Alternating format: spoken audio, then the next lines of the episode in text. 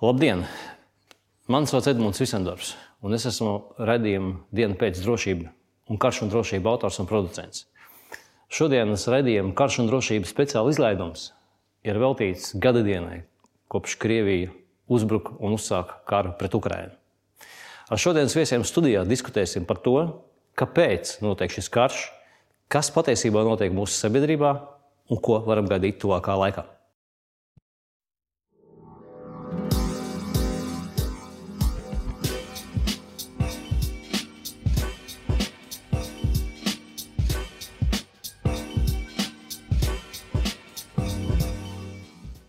Mūsu šodienas viesis studijā ir Raimons Grauba, Latvijas Nacionālo bruņoto spēku bijušais komandieris, ģenerālleitnants, pieredzējis NATO, Eiropas Savienībā. Valdis Punkurs, korporatīvo risku vadības kompānijas Nordstream partneris un vecākais konsultants. Latvijas Universitātes profesors Leons Taivāns, austrumu pētnieks un zinātājs. Latvijas drošības, industrija, drošības industrija federācija vadītāja Elīna Egle un Mārtiņš Vargulis, Latvijas ārpolitikas institūta pētnieks un Stradiņu universitātes lektors. Mēs šodien sākam uzreiz ar tādu, es domāju, būtisku jautājumu, vai mēs pēc gada, kamēr notiek šis karš, esam sapratuši tādu, manuprāt, svarīgu jautājumu, kāpēc notiek šis karš. Dažādas spekulācijas ir bijušas, ka tās ir Krievijas Mm, imperiskās um, vajadzības un vēlmes un Krievijas vadītāja um, bezizējas stāvoklis un ekonomikas problēmas Krievijā. Un tā tālāk, tā tālāk. Iespējams, pat arī sazvērstības teorijas ir izskanējušas par to, ka rietumiem un iespējams Krievijai tas kaut kādā veidā ir izdevīgi un tā tālāk. Nu, daudz, ieskaitot arī murgainas, kurus mēs šodien pat neminēsim. Kāds ir iemesls, vai mēs varam viņu ieraudzīt? Par to, kāpēc notiek šis karš. Graudskungs. Darīsim tā. Es varbūt paņemšu vienu ļoti nelielu šķautni no tās, tāpēc, ka es domāju, ka speciālisti šeit arī politologi un profesors analizēs, analizēs nu, citus, citus dimensijas, ja tā var teikt. Es paņemšu vienu, kas attiecās tieši uz, uz uh, Putina personīgo Pētera pirmā sindromu. Ja, Jo, manuprāt, vēlme iet vēsturē, kā tautas, ka krievu tautas atkal kopā saucējas, kopā nu, zemi atgriezējas un kaut kādas tādas mūsdienīgas viņa izpratnē padomu savienības veidošanas nu, tāds tēvs, kas ies grāmatās, krievu vēstures grāmatās, kā Pēters pirmais. Jo tad, tad šī šķauta, manuprāt, viņa personīgi, viņa personīgais psiholoģiskais tips vai tāds, tāds cilvēciskās īpašības bija noteikti viens no tiem katalizatoriem, kas pātrināja šos procesus. Tas noteikti nav galvenais, tāpēc es atstāšu tos citus, varbūt, vērtībā, bet šeit noteikti, noteikti tur, ir, tur, ir, nu, tur ir loma. Es vienu piemēru iedošu, ko man Briselē bija. Tur viens no, viens no tas jau ir jārunā, strādāja Briselē, tas bija līdz, līdz 5. Nu, gada, principā pēc iestāšanās NATO uzreiz līdz 10. gadam apmēram, un, un jau tad parādījās tādas informācijas, kā izlūkdienas, kā kas, ka tur esot, uh, ir kaut kāda galereja, tāda nu, visādu dižu, dižu Krievijas vadoņu un, un, un tāda nozīmīga cilvēka galereja, un tur tādā dažādās krāsās atzīmēts ap, aplīši tādu, nu, kurš tur kaut ko paveicis un kurš nav paveicis, kurš ir bijis labs Krievu tātad, kurš pavairoja tur zemes. Tur, okupēja, vai Katrīna Lielo, vai Pēters I. Ja, un, un, un tad viņš licis tādas krāsainas klāt. Un, un viņš noteikti gribēja sev redzēt tajās, nezinu, kur krāsa bija tā labā krāsa, bet nu, katrā ziņā bija tāda pozitīva, pozitīva Krievijas eh, imperiālās teiksim, attīstības varo, vadoņu, varoņu teiksim, plējādi. Nu, jā, tā kā šis aspekts jā, spēlē lomu. Alfa, alfa, alfa tēviņš nekur nav pazudis, un tas, ar to imperisko domāšanu un to vēlmi reanimēt uh, viņa droši vien, kad īpaši tajā Krievijas kontekstā, nu, ir saprotama. Tas būtu viens no tiem iemesliem. Nu, viņš patiesībā ir vairāk tāds katalizators pie, pie iemeslu grupas, kas noteikti ir analizēts tālāk. Viņš noteikti nedomāja, ka tik vienkārši ka tas būtu tas galvenais. Vienkārši tā, tā izšķiršanās, ka šādi jārīkojas, lielā mērā, manuprāt, dienas kārtība Putina prātā uh, vadīja šī viņa, šīs, nu, šīs, šīs viņa īpašības personīgās, šis psiholoģiskais tips, šis vēsturiskais uh, vēsturiskais redzējums, viņa paša loma vēstures, vēstures tajā, nu, tā kā es teicu, garajā Krievijas impērijas vadoņu labāko, pozitīvāko sarakstā. Tādā kungs, Kāpēc, jūsuprāt? Man liekas, ka tā, tādi vēsturnieki, kuri varbūt domāti pietiekami dziļi, būtu varējuši paredzēt Krievijas uz šādu uzvedību. Tas pazīmes bija jau sen. Bet man liekas, ka Krievija tautai, kā impēriskai tautai, un kas nesen zaudējusi savu impēriju, viņi izdzīvo šodien to pašu sindromu, kuras citas koloniālās impērijas. Un kā tāds labs piemērs varētu būt piemēram Francija. Pagājušā gadsimta 60. No 60. gados notiek aktīva Āfrikas kolonija neatkarību iegūšana. Atcerēsimies karu Alžīrijā, kurš vilkās gadiem un nevarēja apstāties tā iemesla dēļ, ka netrūka to franču un īpaši franču kolonistu, kuri uzskatīja, ka Alžīrijai ir jāpaliek Francijas sastāvā, kā Francijas kolonijai. Un tas bija tāds ļoti izteikts sindroms, kuru šodien Krievija pārdzīvo. Un tā lieta sākās jau ar, ar, nu, ar, ar Krievijas militārām avantūrām Grūzijā jau 2008. gadā pēc tam 14. gads, un tagad mēs redzam, kā tas izpaužās tādā galējā variantā.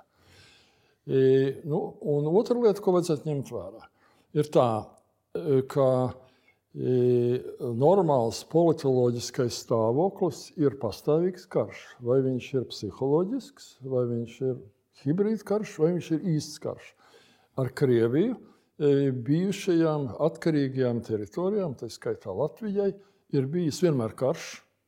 Un tas, ka Latvija ir izgājusi no tādas neutralitātes kopā ar Somiju, kopā mentāli, apziņā, kopā ar Somiju, kopā ar Zviedriju no šīs neutralitātes stāvokļa, es domāju, tas ir tikai pareizi. Tā kā mēs esam nonākuši tādā normālā, konkurences, pretim stāvēšanas situācija, un to vajag ņemt vērā. Un šis apstākļus, es domāju, ka e, nosaka to, ka armijai, e, militārai rūpniecībai, e, visu vīriešu tātad, militārai sagatavotībai ir milzīga nozīme. Un viņi tagad ir pieaugusi, un to vajadzētu ņemt vērā. Tas būtu tas, no kā mums būtu jāmācās. Jā, nu, atceroties Klausevicu, ka es saprotu, tad uh, karš ir politikas turpinājums tikai citiem līdzekļiem. Jā, Jā jo, jo, jo visa politika un ārlietu ministrija ir, ir mierlaika aizsardzības ministrija. Tas karš Jā, nekad nebeidzās. To jāpaturprātā. Elīna, jūsu viedoklis? Manuprāt, Šis jautājums ir ļoti, ļoti svarīgs, jo mēs pēdējā gada laikā esam ļoti daudz koncentrējušies uz to, ko mēs varam darīt, ko mēs varam palīdzēt, kā mēs varam atbalstīt un meklējuši šos risinājumus, bet uh, iespējams, ka uh, ļoti maz esam uzdevuši šo jautājumu, kāpēc tas notiek. Un, uh, varbūt, uh, un es domāju, ka to patieso iemeslu acīm redzot, zina tas, kas to karu iesāk. Bet, um, tas sākotnējā, sākotnējā versija, kas varbūt liekas, tajā biznesa pasaulē ir vienmēr pirmā, tā ir par to, ka tas ir jautājums par resursu pārdali, resursu sadali, tas ir par kādu aktīvu vērtību samazināšanu vai palielināšanu. Tā ir varbūt tā, tā biznesa, biznesa pasaules domāšana. Bet, ja mēs skatāmies uz to situāciju kopumā un, un jau tā retrospektīvi, tad, manuprāt, te vairāk jā, ir šis imperialisma sindroms, jeb tā trauma, kas Krievijai ir bijusi. Un es domāju, ka bija pienācis acīm redzot īstais laiks, varbūt vienīgais laiks, kad to varēja iesākt. Jo pasaule bija nogurdināta no Covid, pasaule pamazām gāja ārā no Covid krīzes. Un, tas bija acīm redzot tas, tas īstais brīdis, kad militāra personas Krievijā nolēma, ka šī, šī lieta ir darāma. Ir darāms, jā. Jā. Es domāju, ka tas ir vairāk arī tas laika, laika brīdis, bija, bija nonācis tajā kritiskā punktā, lai to izdarītu. Un visas tās iepriekšējie signāli, kas bija līdz ar Grūziju, līdz ar iepriekšējo iebrukumu Ukrajinā, viņi līdz galam netika Nebija sadzirdēti. pārsteidzoši un bija pienācis īstais brīdis. Un, un varbūt vēl treš, trešā runājot par tiem brīdinājumu signāliem tajā kontekstā, un arī tas, ko Tēvāna kungs saka, ka tas, tas patstāvīgais hibrīda karš, jeb informatīvais karš, kiberuzbrukumi, Viņi jau mums notika jau laiku. ļoti daudzus gadus. Jā, vismaz es domāju, mēs varam to par to intensitātes pieaugumu runāt no tiešām kaut kāda 18. gada. Bet mēs tā kā to visu ne, nu, kā saka, nemanījām. Un, un, un, tā kā, domāju, tas vairāk ir- tas, tas laiks noteica to, ka tas bija ja risināms. Jā. Mārtiņ, kāpēc? Uh, nu, pirmkārt, es domāju, ka ir jāsadala nu, vairākās, um, vairākās uh, dimensijās. Tas, ko mēs varējām novērot arī no militārās perspektīvas, es domāju, ka sākotnēji tas bija plānots. Nu, mēs pieminam trīs dienu karš, piecu dienu karš, bet nu, iespējams, varbūt nedēļas karš, bet daudz īsāks nekā tas ir šobrīd. Mēs esam citā fāzē. Šī fāze savukārt ir turpinājums 14. gadam. Ja mēs nerunājam par vienu gada dienu vai pirmo gada dienu, mēs runājam par 9. gadu, jau, kad notiek šis karš. Es piekrītu iepriekš runātājiem par to, ka tā ir daļa no Putina ideoloģijas. Karš kā politikas turpinājums, Putina gadījumā bailes kā politikas turpinājums. Ja. Čečenija, viņš nāca pie, pie varas, ja, tas ir tas, kā viņš konsolidēja sabiedrību. Pēc tam 8. gads, 14. gads, šobrīd 22. gads. Mēs esam šajā ideoloģiskajā cīņā, kas arī skaidri parādījās viņa uzrunā, kur viņš skaidri nodala sevi no pārējiem rietumiem. Tas ir tāds civilizācijas ticības vērtības jautājums, ko viņš mēģina likt priekšplānā. Vai vismaz nu, kā karogu, vai ne? Cik tur apakšā ir pamats tam, tām ticībām, tas ir pilnīgi cits stāsts. Problēma, kas ir šajā pieejā, un nedaudz varbūt tās ejot uz priekšu, problēma, kas ir šajā pieejā, Putina pieejā, ka katram nākamajam pēc tādas bailes izpratnes sabiedrībā ir jābūt lielākam par iepriekšējo. Lai mobilizētu, konsolidētu un radītu šo baiļu sajūtu sabiedrībā, tam jābūt lielākam. Ja? Un, un, un, un Ukraina ir īpašs stāsts Putina ideoloģijā. Piekrītu viņa atsauci uz vairākiem iepriekšējiem cariem. Mēs varam citēt arī slavenos Bigņeva Brīsīnska tēzi par to, ka impēriju nav iespējams, Krievijas impēriju nav iespējams atgūt vai, vai, vai nodrošināt, ja nav kontrole pār Ukrajinu. Ja? Un Tur mēs redzam gan geogrāfiju, ģeopolitiku, gāzes, naftas, cauruļu vādi, kopumā tranzīts. Tas viss ir ja? lielākā Eiropas valsts. Un tā ir viņa bijusi sāpe kopš, ā, kopš stāšanās amatā visām krāsām. pāris gadus pirms Maidana jau tas slīdēja viss un, ārā. Un, un visbeidzot, Putins ir oportunists. Ja?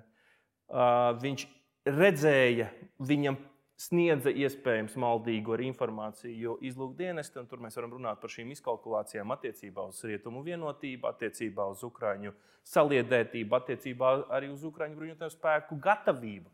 Ja? Tā kā šis viss ir mikslis uh, ar, ar elementiem, kas ir klātesoši, un kāpēc mēs joprojām gadu pēc esam šajā situācijā. Jā, paldies. Valdi, tavs viedoklis, kāpēc notiek šis karš? Nu, pirmkārt, jau es aizstāvu to viedokli, ka mēs tā īsti nezinām, un neviens nezināsim. Arī mēs varam spekulēt, analizēt, domāt, ka tā ir. Bet vai tā ir patiesībā, mēs nezinām. Bet eh, es atbalstu to, to viedokli, ka šeit ir runa par Kremļa, pirmkārt jau Putina paša, Kremļa elites ģeopolitiskām interesēm. Es Neizliekšu no kopējās domas par to, ka tā ir impērijas atjaunošana. Es vairāk lietos šo impēriju par Padomu Savienību, domājot par Padomu Savienības atjaunošanu ar visām tām sekām, jo tā varenība, nu, laikam, argumenti maz, ka tas bija tas apgājējs, kad bija tā varenība sasniegta, vismaz pēc Kremļa elites domām, un to vajadzētu atjaunot, jo resursu izmantošana un tādas valsts pārvaldīšana jau tagad viņiem iet slikti, kur nu vēl plašāk pārvaldīt.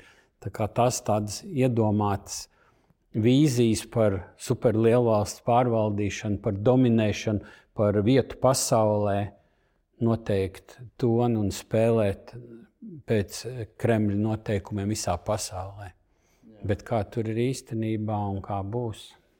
Jā, nu ir tas klasiskais teiciens par to, ka lielām nācijām ir tiesības uz kaut kādu mēru šovinismu, bet tas droši vien būtu atsevišķa redzējuma saturs. Ejam tālāk. Paldies par jūsu viedokli. Jaunais Zemesvaldes komandieris vakar, Kaspars Pudāns, ieceltais, oficiāli apstiprinātais jau. Latvijas sabiedriskā televīzijai uzsvēra, ka kaimiņos Ukrainā notiekušais karš arī Latvijas aizstāvjiem ir dzīva mācību stunda katru dienu, un ka mums pirmkārt jābūt spējīgiem pielāgoties, ātri reaģēt uz pretinieku darbībām, un, un tā skaitā jābūt spējīgiem ilgstošam karam. Un ne tikai vieniem pašiem mums, bet kopā ar visu sabiedrību, kur ir sagatavota un spējīga mūsu aizmugurē atbalstīt. Papildus zemesardzes komandiera atziņā par labo mācību stundu Latvijas aizstāvjiem es šeit sadzirdu arī tādu korektu brīdinājumu par iespējami ilgstošu karu. Un vajadzību pēc sagatavotas un atbalstītas spējīgas sabiedrības.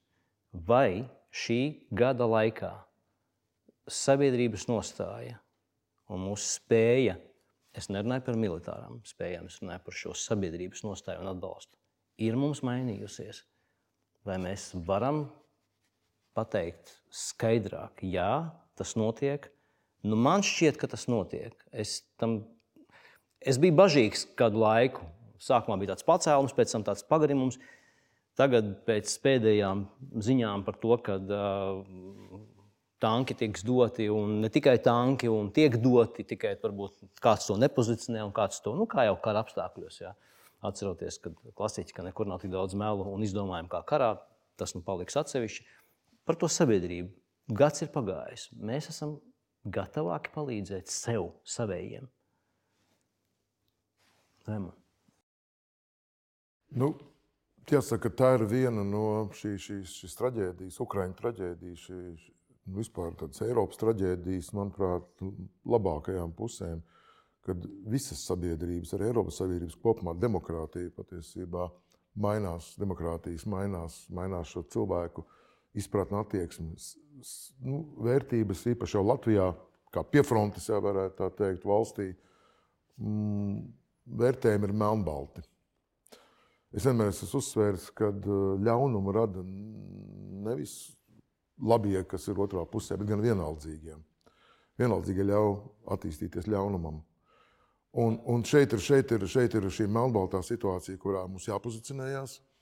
Un tālāk jau šī pilsoniskā pozicionēšanās jau mm, lielai daļai sabiedrības nāk kopā ar kaut kādu rīcību. Vai tas būtu palīdzība, humanā, piemēram, jā, vai dažādās, visdažādākajās veidās, vai gatavība aizsargāt valsts ar ieročiem. Mēs redzam, kāda zemesardzē pieplūdums. Un tas, manuprāt, ir viens no vispozitīvākajām lietām, ja vispār tā atkārtošu vēlreiz drīkstētu par šo traģēdiju teikt Šī ir šī sabiedrības mo, mošanās. Bet bažas var radīt to uztraukumu, nu, pat ne uztraukumu, bet tādas pārdomas var radīt par noturību, par ilgspēju šīs, šīs teiksim, melnbaltās situācijas ilgspēju, jā, nu, nepaguršana sabiedrības. Jā. Tas, tas, tas varbūt uh, mazāk uz mums attiecās, uz Latvijas sabiedrību, jo mēs atkārtosim vēlreiz, mēs esam pie frontes sabiedrība ar visu izrietošo, ar savu pieredzi, savu pagātni, izsūtīšanām, deportācijām un tā tālāk. Un, un mēs, mēs to mēs fiziski jūtam šo elpu, bet, bet rietumu sabiedrība kopumā. Bet, bet, bet šobrīd nav pamata, pamata, pamata bažām. Jautājums tagad ir paliek otrs. Kā politiskā valstu, politiskā vadība, īpaši Latvijas, mēs runājam par Latviju, Latvijas gadījumā, izmanto šo situāciju, vai būs pietiekami gudri, ka spēs materializēt šo tādus saukļus un uzstādījumus, kā visaptvaroša aizsardzība, valsts aizsardzības dienas. Tagad civilais izrādās nav, par ko es esmu ļoti, ļoti kritisks, ka tas nedrīkst nebūt. Un tā, un tā tālāk. Ja? Tas ir tas, tā gudrība, kādā veidā valsts pārvalde šos ieinteresētos cilvēkus piesaistīs dažādām pilsoniskām aktivitātēm. Jo Jo, jo, jo ieroču ņemšana rokās jau ir tikai viena no viņām. Ir daudz dažādas. Tā kā te, te nu, bet laiks, laiks ir īstais, lai, lai mūsu valsti mēs padarītu pilsoniskāku, atbildīgāku, un, un latvieši šeit justos kā saimnieki, kā labi saimnieki. Jā, par atbildīgi saimnieki. par saimi. Un nevis es nedomāju tikai vienkāršotu nacionālismu vai kaut kādu visu tagad tikai latviešu. Nē, gudri, atbildīgi, bet stipri. Saimnieki ar tādu augstu pašvērtēšanu. Gādīgs saimnieks. Nu, ar tādu pietiekami arī puseli arī, jā, gādīgs, bet arī ar tādu augstu pašvērtību. Jā. Nevis, nevis baranīšu dzimta, tur, nezinu, 800 gadi tur verdzībā, jūgā un vēl kaut kas tāds. Nē, mēs neesam nekāda sērdieņa tauta. Mēs esam karavīri tauta ar šādu apziņu arī. Jā, paldies. Valdi, mēs nesen runājām par to, par tiem nevarīšiem, ja, ka mēs tādi nu, neesam un ne, nevaram būt un arī negribam būt. Vai gads ir parādījis, ka mēs kļūstam par varīšiem vairāk? Diemžēl šeit es būšu ļoti pesimistisks. Mans viedoklis ir skeptisks. Neko mēs nevaram. Mēs joprojām, joprojām tirgojamies ar austrumiem, ar Krieviju, ar Baltkrieviju. Mēs joprojām nevaram noformulēt un izveidot eh, militāro dienestu. Mēs nevaram uzcelt kārtīgi civilo aizsardzību. Mēs nevaram, vienīgais, ko mēs esam izdarījuši, tas mēs esam psiholoģiski pieraduši pie tām šausmām. Jā, mums varbūt sabiedrībā nebūtu tādas panikas, ja iestātos sliktākais scenārijs vai notiktu kaut kāda aktīvāka aktīvākas darbības pret Latviju. Tādā plāksnē var būt jā, nostiprinājuši mēs esam savu mentālo tādu psihisko aizsardzību, bet pārējais es ļoti tāds, nu, nepatīkam pārsteigts. Man liekas, ka mēs varētu ļoti aktīvi vērsties pret tirzniecību, pret uh, tādu Krievu, Krievijas, Krievijas klātesamību mūsu gan ekonomikā, gan ikdienas dzīvē, bet nē, paskatīsimies, kā mēs, kā arī mūsu nu, līdzcilvēki, tautieši, kas varbūt vairāk tuvāki krieviskai kultūrai, kas jau krievu saknēm, ļoti augsts tolerants līmenis un ne sevišķi kritiski izsakās. Un tā pašā laikā arī slikti izsakās par Ukraiņas darbībām. Tā kā man ir. Es neesmu optimists. Skaidrs, būtu ko daudz darīt. Mārtiņa, Es, Tavs viedoklis. jā, Kā mainīsies sabiedrība gadā? Eh, nu, tas ir bijis šoks. Es domāju, to mēs nenolieksim. Un uh, konflikts, karš ir iespēja. Mums ir iespēja noslēgt jaunu sabiedrisko līgumu starp tautu un, un politisko eliti. Un vairākos veidos, dimensijās, un atrisināt uh, nu, gadiem vai gadu desmitiem uh, ilgstošas problēmas, tā skaitā attiecībā arī uz krievu valodīgiem vai citautiešiem. Ja? Jo, kā arī pierāda aptaujas, tas bija šoks arī, arī šiem, šiem cilvēkiem. To, cik veiksmīgi mēs integrēsim, kā mēs būvēsim to sabiedrisko līgumu, tas arī noteiks to, kādā sabiedrībā mēs dzīvosim. Es nedaudz pozitīvismu gribētu šeit ienest. Pirmkārt, skaļi runā paši par sevi reālajos skaitļos mēs esam top 3 pasaules valsts, kas ir piegādājusi Ukraiņai militāros vai finanšu līdzekļus. Salīdzinot arī ar, nezinu, ar visām pasaules valstīm, ASV, Vāciju, reālos skaitļos no IKP uz IKP uz vienu iedzīvotāju. Tā kā tas ir viens, ka mēs esam parādījuši, mēs esam mēģinājuši spēlēt visu caur šo gadu, un tur ir, tur ir jāskatās arī un jānovērtē tas, ko ārējie un drošības politikas veidotāji ir darījuši. Mēs esam bijuši līderi tajā arī pozicionējumā. Ja? Ka mums ir jānogādā, ka mums ir jānodrošina Ukraina ar visu nepieciešamo. To mēs nevaram nenovērtēt. Tas ir pozitīvs. Otrs, sabiedrības līmenī tik daudz akcijas, tik daudz brīvprātīgu organizāciju, kas palīdz, ja, kas iegulda savus līdzekļus un jūt šo sasaisti. Te ir tā atšķirība, par ko iepriekš runājām, ka mums ir izpratne, ka Ukraina karo mūsu karu. Šī izpratne nav jau pārsimts kilometrus no polijas robežas. Ja? To pierāda nezinu, vēlēšanu retorika un tā tālāk. Tur mēs varam redzēt, kādi narratīvi parādās citās, citās valstīs. Ir citi akūti jautājumi, kurus arī jūtu to skepsi, kas izraisa kā minimums neizpratni, lai neteiktu dusmas, nu, piemēram, kaut vai stāsts par žogu. Es domāju, valsts aizsardzības dienas tur vēl plašāk, jā, mēs varam vēl padiskutēt, bet arī, protams, jau uz šo brīdi vajadzētu būt žoks. Ja joprojām neatrisināt, lieta kara apstākļos.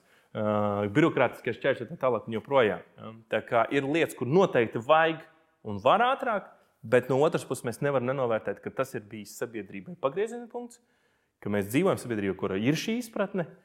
Un, un visbeidzot, es tikai varu atkārtot, man šķiet, ka ir jāizmanto šis laiks politiski, intelektuāli, lai noslēgtu jaunu sabiedrisko līgumu ar, ar sabiedrību, kur arī sabiedrība un katrs indivīds izprot, ka viņam ir ne tikai tiesības, bet arī pienākums. Kontekstā arī ir valsts aizsardzības dienas. Jā, paldies, Elīna. Um, jā, es, es teiktu tā, ka. Par to sabiedrību. Par to sabiedrību. Es teiktu tā, ka tie cilvēki, es domāju, mūsēji ir vienkārši fantastiski cilvēki. Un es piekrītu tam, tam, kas tika teikts, ka uh, ir patiesībā tā ļoti labi apziņa, ka mēs esam tādā sabiedrībā, kura ir gatava jau pirmajā nedēļā lekt iekšā mašīnā un vest ko visu, ko var aizvest. Un, runājot teiksim, arī no tās tādas, nu, biznesa pieredzes, ja, mūsu pirmās sapulces pirmajā nedēļā principā, bija tā, ka vīri jau bija mašīnā un mēs, nu, mēs turpinājām savus saka, ikdienas lietas un sapulces, kas attālinātā režīmā, jau viss satrenējušies. Bet, principā, cilvēki bija mašīnās un veda un darīja visu, ko varēja. Tā kā jā, visa, teiksim, šis te sabiedrības lielais atbalsts, es domāju, tas mūs tikai, tikai spēcina un dod to pārliecību, ka mēs spējam mobilizēties. Un, un arī ilgtermiņā mēs spējam mobilizēties. Jo arī šī pēdējā kampaņa, kas bija labās ziņas, kur tika vākti resursi tieši militāriem raksturproduktiem priekš Ukrainas, kas tiek ražot Latvijā, uh, Nu, tas arī es tādu atbalstu teiksim, militāriem produktiem. Es nu, pat nevarēju cerēt, ja, jo mēs esam pieraduši tiešām palīdzēt cilvēkiem, kas ir ar veselības grūtībām. Bet tas atbalsts arī nu, jau, jau visa gada garumā ir ļoti liels. Kontekstā arī ar biznesu es teiktu, tā, ka visi tie zvani, Elīna, ko mēs varam darīt, kur vēl vajadzētu kaut ko, kur mēs varam vēl ziedot, kur mēs kaut ko varam aizvest. Ja? Tas, tas ir bijis nu, parādījis fantastisku mobilizāciju. Un arī, arī kaut vai mēs runājam par tām civilām krīzēm, jo arī vakar mums bija tāda saruna Latvijas pašvaldības savienībā, kā mēs labāk varam arī sabiedrību iesaistīt šajās civilās krīzēs. Arī šajā situācijā arī Jēkabils plūdu parādīja, ka uzņēmēji bija ļoti aktīvi, uzreiz iesaistīties, palīdzēt, nākt pretī, dot savus materiālos līdzekļus, lai, lai risinātu tās problēmas. Tad es domāju, tajā kontekstā mums ir viss, kas saka, nu, ar, mū, ar mūsu vērtību sistēmu ir viss kārtībā. Uh, Un es arī noteikti piekrītu tai pozīcijai, ka mums šis mirklis ir ļoti pareizi jāizveido, jo, mm, jāizmanto, jo mēs ļoti saprotam labi savu ievainojamību.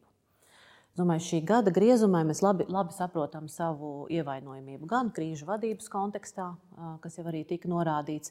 Un tātad arī šī jaunā valdība ir apņēmusies veselu virkni jautājumu risināt pie, pie krīžu vadības uzlabošanas, pie civilās aizsardzības stiprināšanas, pie materiālo rezervju pārskatīšanas. Arī tikko, tikko no sarunas ekonomikas ministrijā par pirmās nepieciešamības preču jautājumu sakārtošanu, kas 30 gadu garumā nav, nav bijis kārtots, kas ir bijis formāls papīra. Tāpat tās biznesa vidē mēs runājam par izēvielām, par pirmām nepieciešamībām materiāliem tieši priekš ražošanas izēvielām, jā, jo tad piegādes, lai kaut ko saražotu bez materiāliem, nu, ir ļoti, ļoti grūti. Tā kā, tā kā es arī noteikti teiktu, ka sabiedrība sev ļoti labi parādījusi, un mums būtu šis laiks jāizmanto, lai mēs paliktu stiprāki. Jā, paldies. Nu, tā biznesa vide un tā sabiedrības daļa, kas ir vairāk tie ražotāji un industrijas cilvēki, un ne tikai tie, ir, ir, ir, ir, saka, ir gatavāki un spējīgāki, varbūt redzošāki un vērtējoši ātrāk un, un rīkoties spējīgāki. Un, uh, tādu, un tāpēc jau viņi ir arī uzņēmēji. Ja. Mums nav Bet, tā birokrātija tik daudz jā, apkārt. Mēs varam rīkoties. Tā, kungs, tomēr par to sabiedrības nostāju mēs ar jums runājām pirms pāris gadiem par to Eiropas, Eiropas sajūtu cilvēku, par drošības sajūtu. Varbūt tagad par to mūsu sabiedrības, sabiedrības sajūtu, par to gadu. Varbūt tas pats bija pa, vēl arī bijis pamazs. Varbūt, varbūt pēc tam mēs ieraudzīsim vairāk to, ko mēs Pumpurkungs minēja. Ja vēl pēc vēl kādam laikam, varbūt mēs pie tā pieradīsim, kas ir mainījies šī gada laikā? Jūsu redzējums? Nu, vispirms jau tādu emocionāli es gribēju atbalstīt, atbalstīt ģenerāļa viedokli par to, ka vienaldzība ir, ir mūsu galvenais ienaidnieks. Jā, nu tas jau no, Bībeles ir.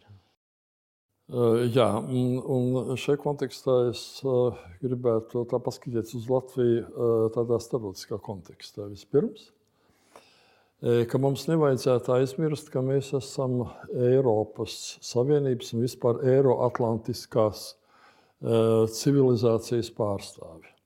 Un šeit ir viens ļoti svarīgs moments. Eiropas Savienība pēdējās desmit gadēs, kā izteicās ļoti precīzi viens no rietumu žurnālistiem tātad ir bijis tāds pacifisma klubiņš, kurš īsti vairs nezina, kur ir demokrātijas robežas un kur viņas vairs nav. Un mēs tad esam iegājuši šajā klubiņā un esam aizmirsuši vienu ļoti svarīgu lietu, kad demokrātija ir īpaša civilizācija. Tā ir minoritātes civilizācija pasaulē. Tādu valstu ir ļoti maz tieši demogrāfiskā skatījumā pēc iedzīvotāju skaita. Tātad, kā 450 miljoni, un tas ir no septiņiem pāri miljardiem. Ja? Tātad tas nav daudz. Un mēs aizmirstam, ka demokrātiju ir nepieciešams aizsargāt. Un tā stādīja, kas ir notikusi, kas pašreiz ir Latvijā. Mēs visur redzam tātad, šos uh, ukraiņu karogus. Es tos redzēju arī zin, Grūzijā. Uh, uh, lielu gadu iepriekšējā uh, gada daļu pavadīju. Ir tāds entuziasms, bet tam entuziasmam ir tāda nedaudz negatīva nokrāsa. Tas nav tik daudz par ukrāņiem, cik pret krieviem. Un, mums nav nepieklājīgi uzraksti uz sienām ar, ar, ar grafīti, ja, bet Grūzijā viņi papilnām. Un tur neskan, uh, uz, uh, atbalstīsim Ukraiņu, palīdzēsim Ukraiņai. Nē, Nē, ruski karabļi un adrese. Tāda rakstura, un, un vēl sliktāka rakstura, vai ne uzraksta.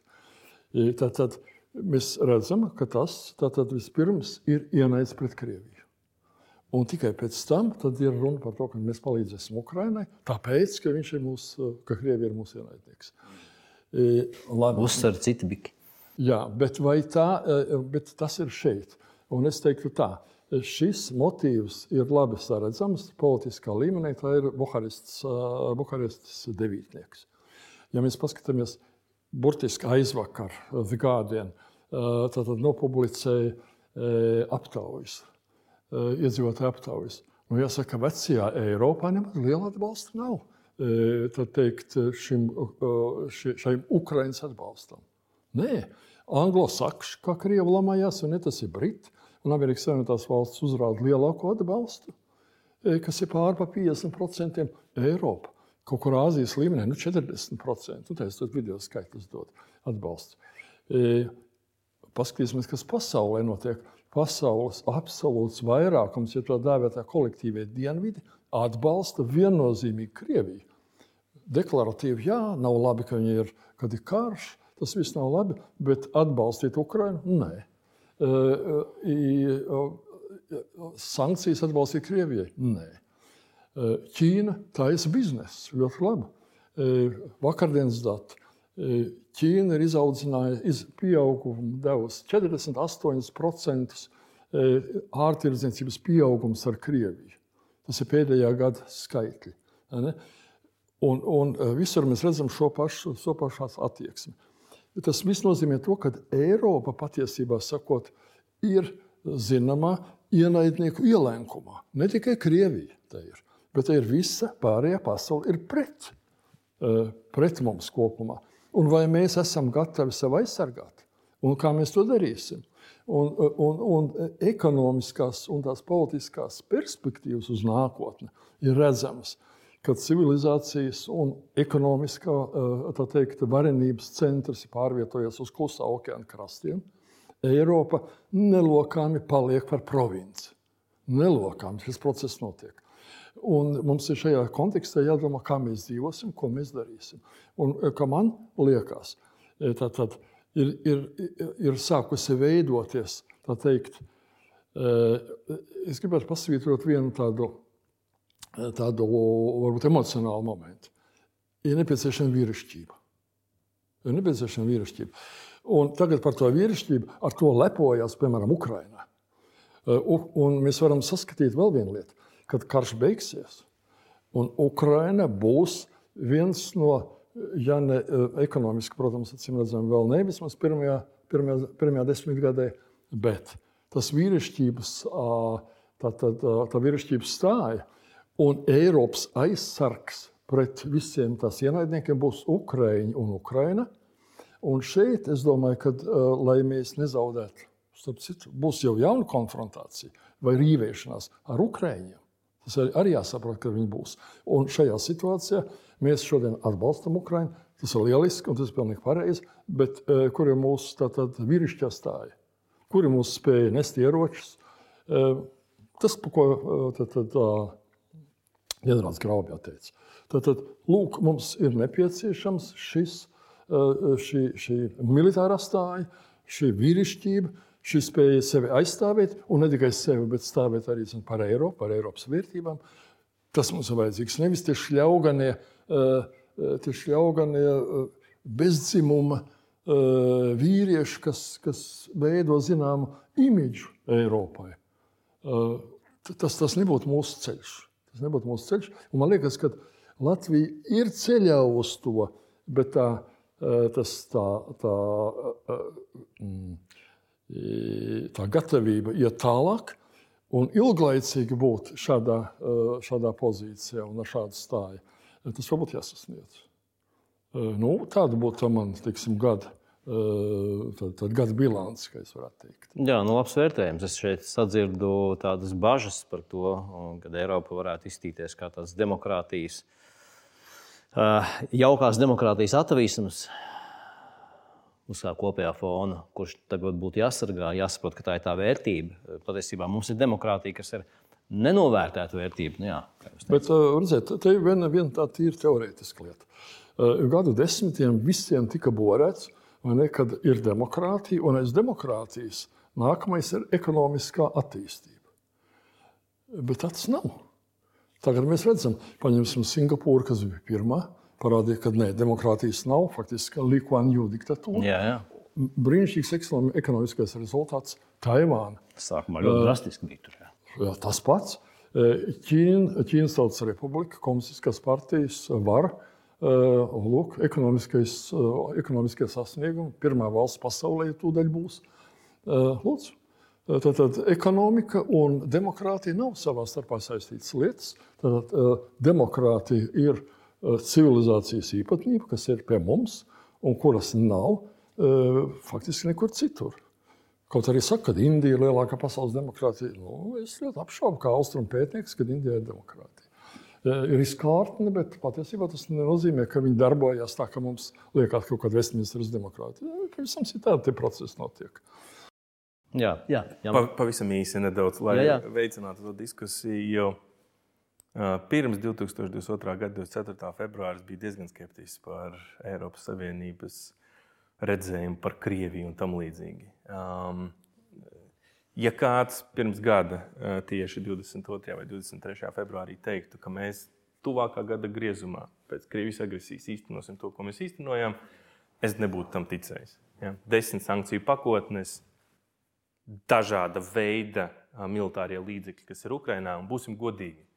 Jā, Ukraina saliedēta tauta diezgan veiksmīgi arī kara laukā, bet viens no gravitācijas centriem ir tieši rietumu militārais atbalsts kas nāk no Eiropas valstīm. Ja kaut ko ir mainījis 24. februāris, mums modinātais zvans, manuprāt, Baltijas valstīm bija 14. gads, modinātais zvans Eiropai ir 22. gada 24. februāris. Kas nenotiek vienā dienā, transformējas. Kaut arī mēs redzam Vācijas piemēru. Runājot par sabiedrības noskaņojumu, aptaujas jā, no 50 līdz 60% runā par vēl lielāku atbalstu. Ja? 40% joprojām ir piesardzīgi, bet tas transformējas. Ja? Šī kara vēsturiskā trauma, kas ir pēc otrā pasaules kara par eskalāciju un tam līdzīgi, tā ir klātesoša. Tas ir, tas ir arī jāpieņem un, un, un, un jāsaprot. Un tas, ko šis gads, manuprāt, ja mēs runājam par to sabiedrības noskaņojumu ne tikai Latvijā, Baltijas valstīs, bet arī Eiropā, ko viņš ir iedevis vai dod, ka drošība nav pašsaprotama. Ja? Tas pirmais gadsimts demokrātija vairs, eh, demokrātijas aizstāvēšana vairs vienkārši nav pašsaprotama. Ja? Par to ir jācīnās. Ja? Baidena uzrunā eh, Varšavā ir tieši par to, šis ir demokrātijas karš. Ja? Tas tā mums arī jāuztver. Tas ir par ticībām normām, par to, par ko karo Ukraiņa. Ja? Tas, ka Ukraiņa karo mūsu karu, mums šeit ir lielāka izpratne nekā Eiropā joprojām. Tas, paš, tas, tas tā ir. Jā. Tur mēs gribētu no Eiropiešiem vairāk. Bet tas, ka arī Eiropa ir ievērojami transformējusies, ka šis ir bijis pagrieziena punkts, eh, modinātais vans, mēs to varam nosaukt, kā mēs vēlamies. Es domāju, ka mēs to arī nevaram uh, neakcentēt. Jā, uh, varbūt. Es varbūt arī pakomentēšu. Es, jā, nu, varbūt tādā akadēmiskā diskusijā profesors ne, neiešu, bet es tomēr tam pesimismam arī nedaudz negribētu piekrist un atbalstīt to, ko saka Mārtiņa pāris tādiem piemēriem. Uh, kā piemērs uh, Eiropas uh, šīs nu, vīrišķības, ja tā var teikt, tā mošanās vismaz politiskajā vidē, nu, tur patiešām nu, tā, tā dramatiska transformācija. Piemērs. Atcerēsimies, otrā, trešā pasaules kara, kara, nu, pasaules kara, ne, bet uzbrukuma dienā mēs vēl diskutējām par to, par, par šīs gāzes vadu teiksim, slēgšanu. Tas bija dienas kārtībā, nu, kā tāds liels notikums. Viena rietuma saņēmusies, tagad tūlītās, ja nu Krievijas uzbruks, aiztaisīsim gāzes vadu apakšā, tur zem Baltijas jūras. Nu, tas jau nu, kaut kas tāds. Vispār mēs atceramies šādu veidu sodu vai, vai, vai sankciju. Viņi kaut kur palicis pilnīgi nebūtībā. Jau. Tas ir niecīga, niecīga lietiņa. Otra lietiņa, es domāju, pēc kara Lēnām parādīsies vēl tādi labi piemēri par drosmīgu un izšķirīgu priekš rietumu, rietumu, rietumu valstu politiķiem lēmumiem, izšķirīgiem lēmumiem šobrīd, kas notiek.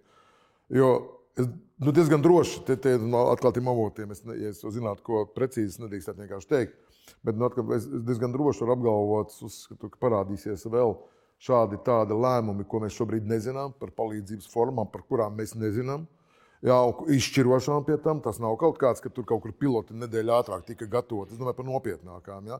Kas priekš rietumu šīs demokrātijas politiķiem lēmumiem, viņš to skaļi nevar teikt. Dažādiem iemesliem arī operacionālu un operatīvu iemeslu dēļ, bet arī varbūt tāpēc, ka sabiedrība vēl nesaprot, nu, nav gatava varbūt, dzirdēt viņa, palīd, nu, viņa lēmumu. Un, bet viņš ir pielēmis palīdzēt šādā formā, veidā. Tas, tas, tas ir kaut kas jauns. Uzskatu, tas ir kaut kas jauns, tas ir nebijis vismaz nu, pēdējās, eh, pēdējos, pēdējā periodā demokrātijas, par ko jūs, profesor, runājat, ka mēs piekritīšu jā, par šīm, šīm neskaidrajām, neskaidrajām, uz, neskaidrajiem uzstādījumiem un kaut kādas neskaidrības, neskaidras demokrātijas teiksim, procesiem. Jā, tā kā tā, es varbūt nedaudz, nedaudz tiem diviem piemēriņiem, maziņiem, un tādu varētu noteikti vēl varētu diskutēt. Es esmu optimistiskāks. Līdz ar to es summēju, sasumēju kopā, es esmu optimistiskāks. Jautājums tikai par šo noturību, par ilgtermiņu un par šo, šī mirkļa izmantošanu pareizu visu mūsu, mūsu, mūsu, nu jā, mūsu gan vadībā, gan arī individuāli katram cilvēkam. Jā, Gaukums, paldies par piebildi. Nu, um, aktuālie notikumi. Gads ir pagājis. Vakar, uh, aizvakar uh, NATO ģenerālsekretārs Jens Stoltenbergs, gan arī NATO lielākās dalībvalsts, Amerikas Savienoto Valstu prezidents Joe Bidenis tikšanās laikā, nu pat Varšavā, atkārtot apstiprināja, ka mēs aizstāvēsim katru sabiedroto teritorijas colu ņemot vērā gan 5. pānta saistības aizstāvēt vienam otru. Viens par visiem, visi par vienu. Tas tika pozicionēts, tas tika izplatīts un vairāk kārtīgi atkārtots. Nu, NATO vēstījums, un, vismaz, un tas ir nu, vismaz viens no tādas aizsardzības vai, vai, vai stratēģijas stūrakmeņiem, ir skaidrs. Mans jautājums būtu, ņemot vērā, ka Latvijai ir robeža gan ar Krieviju, gan Baltkrieviju. Jūsu viedoklis, Kādai būtu jābūt Latvijas militārās drošības ilgtermiņa taktikai? Par stratēģiju man šķiet, mums ir skaidrs. Bet taktikai un metodēm, lai mēs šo mums izdevīgo stratēģiju, kas ir iezīmēta un kurā, zem kuras mēs atrodamies, vairotu un lai to savu drošību vēl pātrinātu un nostiprinātu. Ko mēs varam darīt, ja mums viss ir? Kā mēs varam to, to, to taktiski un metodoloģiski stiprināt vēl turpmāk? Grābskungs. Jā, sāk labi. nu, tuvāk tam lietām. Jā, ir tā. Es sākšu ar to, ka man liekas, es šeit arī, kad laika atpakaļ vienā no raidījumiem lietoju šo iedzienu, ka mūsu uzvar ir laiks. Mēs nekad neizveidosim tādu aizsardzības sistēmu, kas spētu sakaut, apturēt un izdzīt no valsts teritorijas tādu ienaidnieku vai pretinieku, kāda ir Krievija. Ar to jārēķinās. Mēs, varam, uh, mēs nedrīkstam veidot savu emocionālo pieņēmumu, skatoties Rembo filmas vai kaut kādas šādas supervaroņu filmas, kurā viss var, var tikt izdarīts. Tā tas nav. Mums ir laiks, tā tad laiks. Tāpēc jau mēs esam NATO, tāpēc mums ir sabiedrotie, tāpēc mēs plānojam mūsu aizsardzību no šī pieņēmuma. Mums ir jārada tāda efektīva, nu, rīcības spējīga, kā arī Pudāns teica, tāda nu, gatava jā, improvizēt jā, jā, jā. un, un, un neordināri teiksim, domāšanu ārpus tās kastītes, saucamās. Šāda veida, šāda veida armija, jo tā ir taktika, ko mēs varam mācīties arī no Ukrāņiem. Ukrāņu viens no panākumiem ir tieši šī ļoti pie vienādām ieroču sistēmām, pie pie Krievijas, Krievijas pat pārākumu skaitlisko, ļoti izšķirošu skaitlisko pārākumu, veids, kā viņi izmanto savus ieročus, veids, kā viņi veic šīs operācijas, veids, kā viņi aizsargā savu valsti tādā taktiskā un operacionālā līmenī. Pierāda, ka var, var ar mazākiem, mazāku teiksim, ieroču, mazāku ieroču jaudām būt ļoti, ļoti nopietnas oponents. Tas, tas arī mūsu pamatu uzdevums būtu.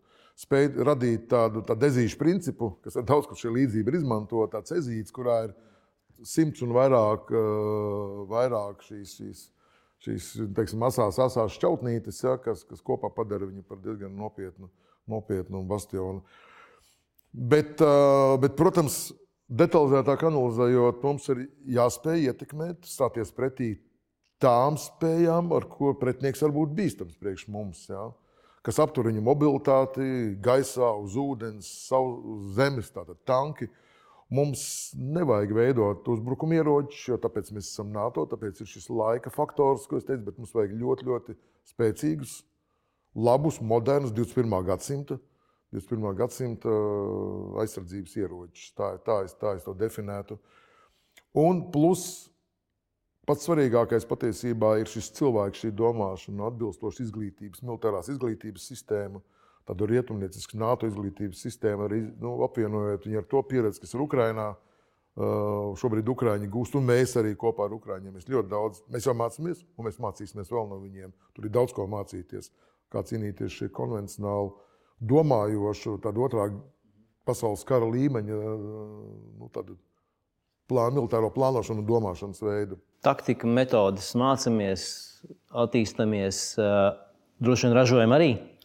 Viennozīmīgi ražojam, un, ja mēs runājam par šo tautsājumniecības, jeb noturību, jeb ekonomisko drošību, tad viennozīmīgi tie uzņēmumi, kas strādā militārām un drošības vajadzībām, šī tehnoloģiskā bāze ir jātīsta. Un, tas, ko arī Graubskundze teica, ka nu, Ukraina mums ir ļoti liels arī tehnoloģiju pārbaudījumu lauks.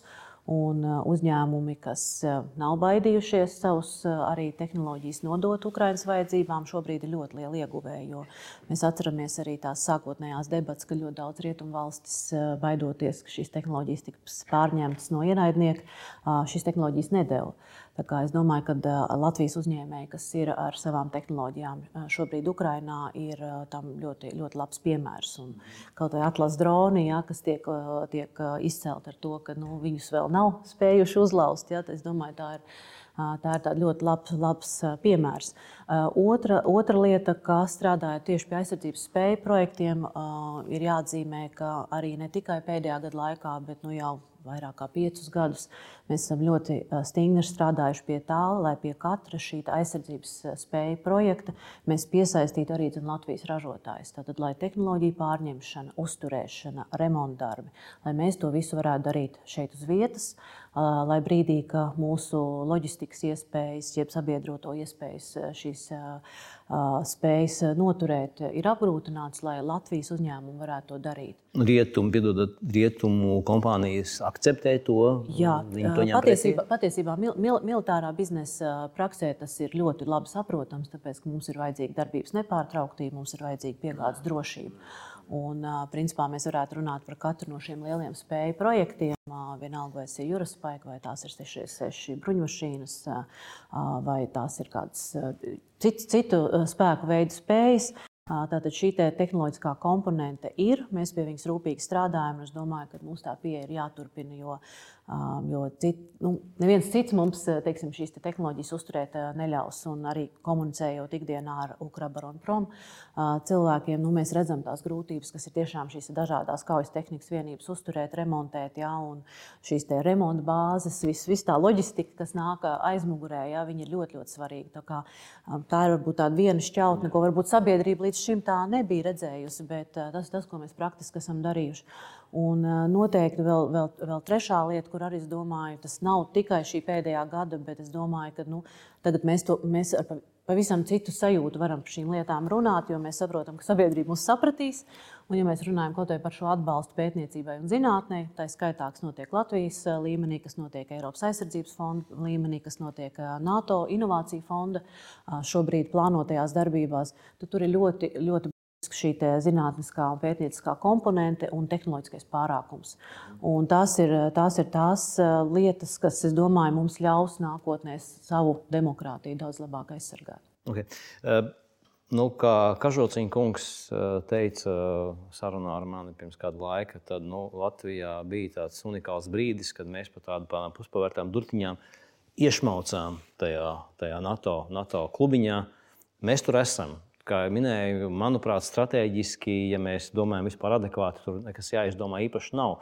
Bet man ir aizdomas, ka ar tām metodēm un tām taktikām ikdien, ikdienas mēs kaut kur frustrējam, kaut kas nenotiek, mēs kaut ko nesaprotam. Nu, labi, šis gads parādīja, ka nu, tā jauda vairākās sarunās, ko mēs esam runājuši, nu, ir pieaugusi vairāk kārt, interesi pieaugusi vairāk kārt. Mani bažīgu dara tas sabiedrības noskaņojums, kurš, protams, kaut kad pagūst, kaut kad ir, un tas Krievijas tuvums un tā lielā krieviski runājošo un Krievijai līdzi jūtošo sabiedrības daļa, lielā, nu, viņa, viņa šeit ir. Viņa šeit ir un viņu tik ātri nenomainīt, un, un ar viņu ir jārēķinās. Ko ar to mēs varam darīt? Un, nu, nu kā mēs varam to pātrināt, kā mēs varam to mainīt? Valdi, ko tu vari teikt par to?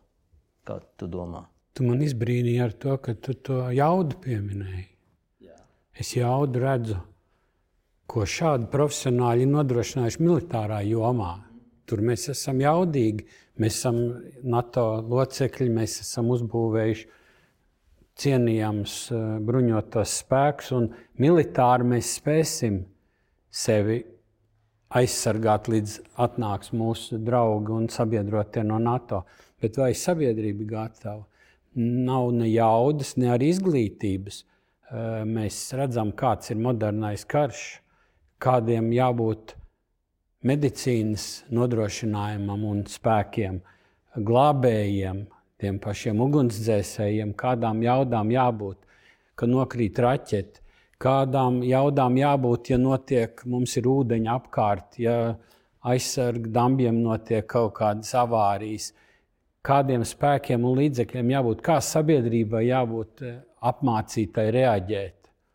Mums tas sūrs, grūts darbs priekšā visu to pacelt attiecīgā līmenī, lai mēs sabiedrība spētu turēt līdzi saviem militāristiem. Jā, mēs armijas, mūsu vienības ies pa priekšu un aizsargās, bet mēs, mums būs liels hauss. Tāpēc ir jāstrādā, jāražo, jāceļ ekonomika, lai mēs spētu nodrošināt, sākot ar izglītību, tad medicīnu un tad vispārējo. Tie paši policijas spēki.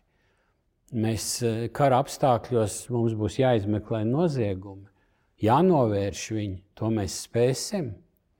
Ukraiņas piemērs rāda, ka tur ir ļoti liels problēmas, un tas prasa desmitreiz lielākus spēkus kā miera apstākļos. Labi piebilda Mārtiņa. Tavs viedoklis ļoti līdzīgi. Protams, noturības spēja, un, un, un, un komandieris kungs te varēs daudz labāk stāstīt par taktikām, par to, cik, cik liela nozīme ir NATO savstarpēji savietojamībai ar NATO, ASV klātbūtni šajā pusē, subolkiem un tā tālāk. Bet es arī sāku ar ticības jautājumu. Pirmkārt, ticības jautājumu, ka mēs šo valsti varam aizsargāt. Vērtību jautājums. Vērtību jautājums. Un ne tikai mēs paši sev atbildam uz šo jautājumu, ka mēs šo valsti aizsargāsim, ka mēs par to cīnīsimies, bet mēs to skaidri arī vēstām mūsu pretiniekam nacionāli un NATO līmenī.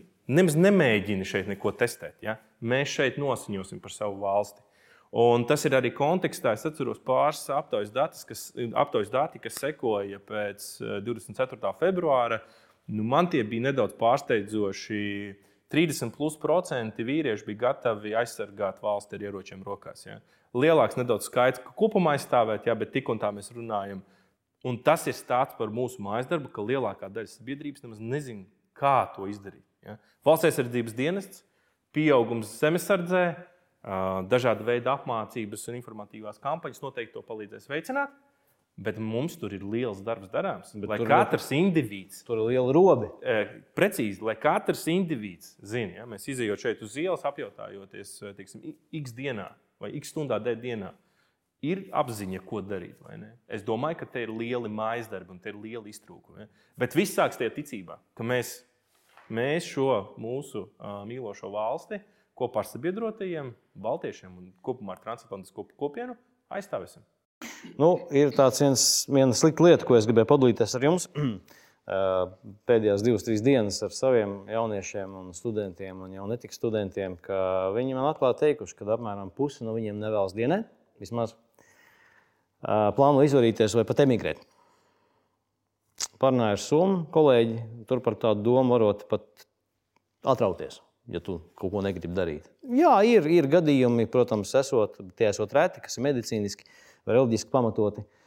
Um, bet pat tādiem atrod pielietojumu, kā viņi var dienēt un tā tālāk, un viņi grib tajā piedalīties. Tur ir savas, savas lietiņas, kā viņi pavēlkās, kā viņi viens otru pakacina, ja, bet Nu, Somijā ir savādāk. Tāpēc mums tāda Somijas un Zviedrijas nu, klātbūtne NATO ir ļoti vajadzīga.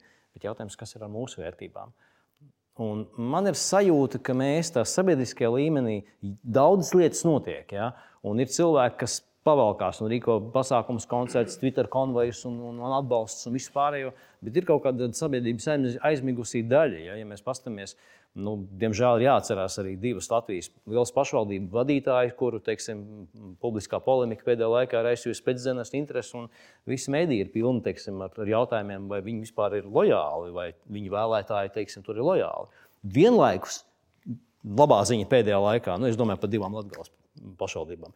Pēdējā laikā ir ziņas, ka Krievijas un Latvijas pilsoņi, protams, arī ir sākuši vairāk apgūt latviešu valodu. Nu, droši vien, ka ne jau vienmēr pēc laba prāta, bet tomēr kaut kas notiek. Kur mēs, kur mēs ejam? Ja, ja drīkst, es Jā. varbūt teikšu, teikšu tā, ka uh, tas varbūt, uh, es domāju, mūsu noturības pamats un varbūt spēja arī, nu, patiesībā arī gan Covid krīzē, gan arī šobrīd mobilizēties uz atbalstu Ukrainai lielā mērā pateicība jāsaka tomēr arī tam darbam, kas tika ieguldīts pie visaptvarošas valsts aizsardzības sistēmas veidošanas.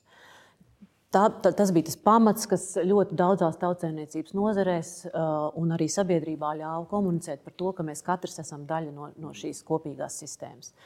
Tā bija tā, tas bija tas pozitīvais. Um, tajā pašā laikā tas, kas varbūt uh, nedaudz iztrūka, un to, ko mēs redzam arī šobrīd civilās aizsardzības kontekstā, ir tas, ka uh, cilvēki ļoti ticot uh, mūsu, mūsu armijas spējām, pamatoti ticot mūsu armijas spējām, vairāk domā par to, ka tajā stundā X armija būs tā, kas viņus glābs, aizmirstot par faktu, ka stundā X armijai būs jākaro. Un tas, ko es varbūt redzētu, to, to, to veidu, kā to risināt, X, jā. es vairāk kad ar cilvēkiem ir jārunā skaidra valoda. Ka mums, tātad arī šiem dienestiem, būs jāpalīdz cilvēkiem, kas paši par sevi nevar parūpēties. Tie ir bērni, tie ir, tie ir, tie ir cilvēka kustības traucējumi un tā tālāk. Bet tiem, kas ir veseli, tiem, kas ir spējīgi, tiem, tiem būs jārīkojas. Un man liekas, ka mums ir arvien vairāk jārunā par to, ka nevis kāds ies savā vietā un raksta ranšēs, bet tas ir katram, no, katram būs pašam jādara. Un tā skaidrā valoda, man liekas, ļoti, ļoti pietrūkst. Un tajā postpadomju domāšanā, kad visu laiku kāds par mums parūpēsies, kāds mums sagādās tās pensijas un kāds mums sagādās to laimi kaut kad, Es domāju, ka tā skaidrā valoda no visiem dienestiem, no, arī no politiķiem, būtu ļoti, ļoti vērtīga. Mums pietrūkst skaidra valoda. Tā ir kungs. Redziet, tas jautājums, kā es viņu redzu, ir, ir Latvijai patiesībā sakot, kritiski slikts. Un mēs to varētu vēlreiz mācīties no Ukrainas. Tātad Ukrainas tā situācija pirms sākās karš. Saprotiet, tā et, etniskais sadalījums Ukrainā ļoti nelāks. Ir. Kreisā krasta Ukraina faktiski krieviski runājuši. Es to vidi labi pazīstu. Esmu trīs gadus dzīvojis šajā, tā, tā, tā, šajās nu, blakus Rostovā pie Donas. Esmu nodzīvojis trīs gadus, 60. gados bieži esmu braukājis uz šo e, kreisā krasta Ukrainu, e, kur ir Daņetskas un, un, un Luganskas republikas. Un tad, kad runā, nu, mēs sakām, Krievi iebruka. Bet rietumos diezgan plaši izplatīts uzskats, ka faktiski tur ir Krievi dzīvo, kuri ir tendēti vairāk uz Krieviju un negrib atbalstīt Ukraiņas vienotību. Vai tas tā ir? Jā, tas tā bija. Vismaz tā tas bija. Tā tas bija. Liela daļa Ukrainas valodas politikas iespējā, arī Baltkrievija ir tepat, tātad ļoti aktīvi rusificējās. Un Ukraina, Ukraiņu valoda nebija, viņa nebija prestižu, tāpat kā Baltkrievu valoda, skatījās tā ķēķa valoda vai, vai, vai laucinieku valoda. Un attiecīgi kopā ar valodas ienākšanu, ar krievu valodas ienākšanu, veidojas arī mentāla un psiholoģiska rusifikācija. Tad Ukraina izrādījās saskaldīta. Tikai, tikai rietumu Ukraina, ja, tā, kas kādreiz bija Austrijas sastāvā, kas kādreiz bija Polijas sastāvā, Tā saglabāja savu nacionālo identitāti. Pārējā viss jau bija izšķīrusi. Un tāpēc, tad, kad Puķins runā, ka tā uh, Minhenes konferencē, piemēram, viņš tie mājiņi 2007. gadā bija, kad tā ir neizdevusies valsts, ka tā nav valsts, viņiem ir taisnība. Jā, ir taisnība. Viņi tiešām kā monolīta valsts nebija izveidojusies. Tagad šis karš uzrādījis ļoti interesantu parādību. Protams, ir tā dēvētie žduni, kuri sēž un gaida, ka tomēr atnāks Krievi, un, un tādi ir un tie kaitē, un tie nodarbojas ar, ar, ar, ar, militāram, tad, tad, ar militāru palīdzību Krievijas armijai. Tāda ir. Bet lielākā Ukraiņas daļa cenšas mācīt runāt krie, Ukraiņu valodā, kļūt atpakaļ, atpakaļ par Ukraiņiem. Vismaz tie, kas atcerās savus Ukraiņu ģenētiskās saknes. Tas process ir. Tagad es gribēju pāriet uz Latviju. Kā mums Latvijā? Mums 30% ir krieviski runājošie, cilvēki ar dažādu etnisko tātad, background, bet kuri domā, kā padomju cilvēki un kā krievi, kuri simpatizē arī šodien ne Ukrainai, bet Krievijai. Nav nekāds noslēpums. Tādu ir ļoti daudz, mēs precīzi nezinām. Un uz šī fona pirmais jautājums ir, kad vajadzīgs tas, ko jūs teicāt, tad, tad ir vajadzīgs nacionālais līgums. Sabiedriskais līgums. Tad, tad ir runa par politiskas nācijas veidošanu. Kādi piedāvājumi Ukrainā? Ukrainai piedāvājums tāds, ka acīm redzami krievu valodu visiem kriev, krieviski runājušiem pāriet uz ukraiņu valodu laikam neiznāks, vismaz pārredzamā nākotnē. Tādēļ būtu Šveices varianti jāīsteno. Tātad kantona varianti, ne?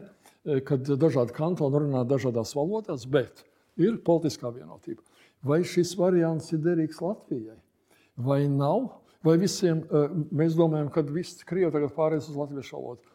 Ir jā, vairāk tagad mācās, es redzu, bērnu dārzā.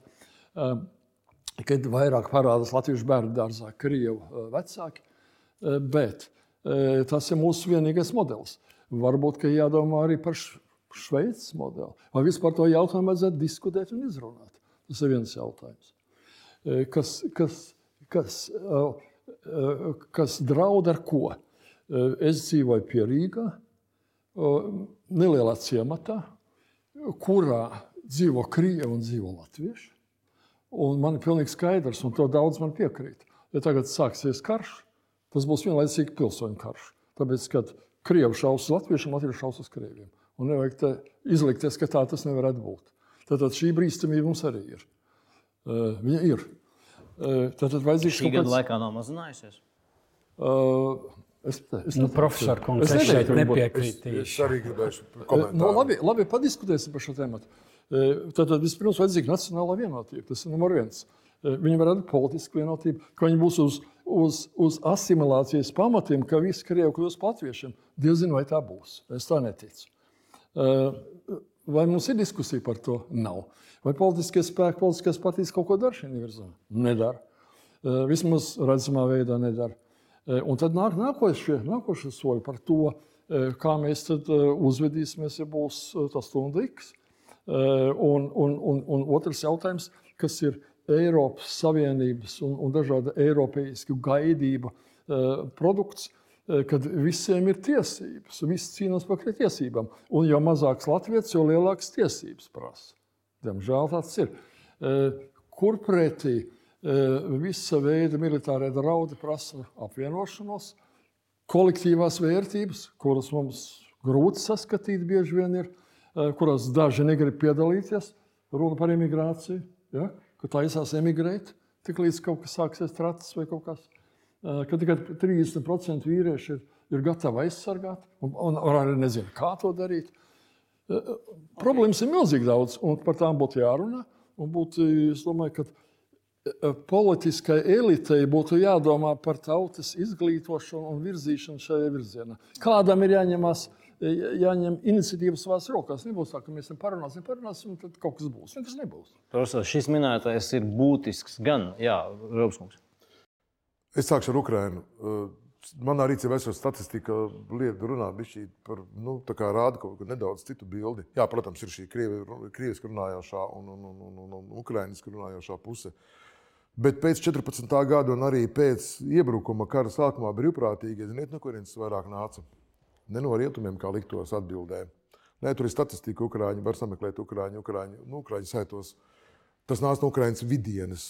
Harkovas, tā Harkovas, Kievas līnija, kur principā šis nacionālais sadalījums apmēram 50, 50 lielākā daļa nāca no turienes. Es pats pagājušā vasarā savā labdarības fondā veidoju nometni bērniem, ukrāņu bērniem, kuru tēvi vai mātes, nu, tā bija tēvi, ir frontē. Un no divām, divām tādām vienībām, no vienas artērijas brigādes 26. un Harkovas zemesargiem. Un es jau pēc uzvārdiem bērniem runājot, gan pēc uzvārdiem, gan arī pēc tam, kā viņi runā, Harkovas vairākas meitenītes bija nu, pilnīgi skaidrs, ka tā ir krievi, krievalodīgā ģimene. Jo man bija Ukraiņas rietumbērni vairāk, ja, kur ir krievis, kur nu, tur uzreiz jūt, ka tur ir nu, ukrāņu valoda, ģimenes valoda ir ukrāņu valoda. Tad, lūk, viņa tēva Harkovas zemesardzē, kur ir 80% 9, laikam, krievu tautības cilvēki, un viņš karo par Ukrajinu. Tāpēc es, tāds, es gribēju teikt, ka tagad Latvija to nedaudz atpakaļ nav. Tā situācija nav. Mēs redzam arī zemesardzē. Jā, protams, ka tur ir nu, varbūt pilnībā neatspoguļo, bet situācija ir pilnīgi citāda. Divi no sešiem kritušajiem karavīriem, kas ir mums pazaudējuši Afganistānā un Irākā, ir krievu tautības. Es abas ģimenes zinu, savu fondu ietvaros.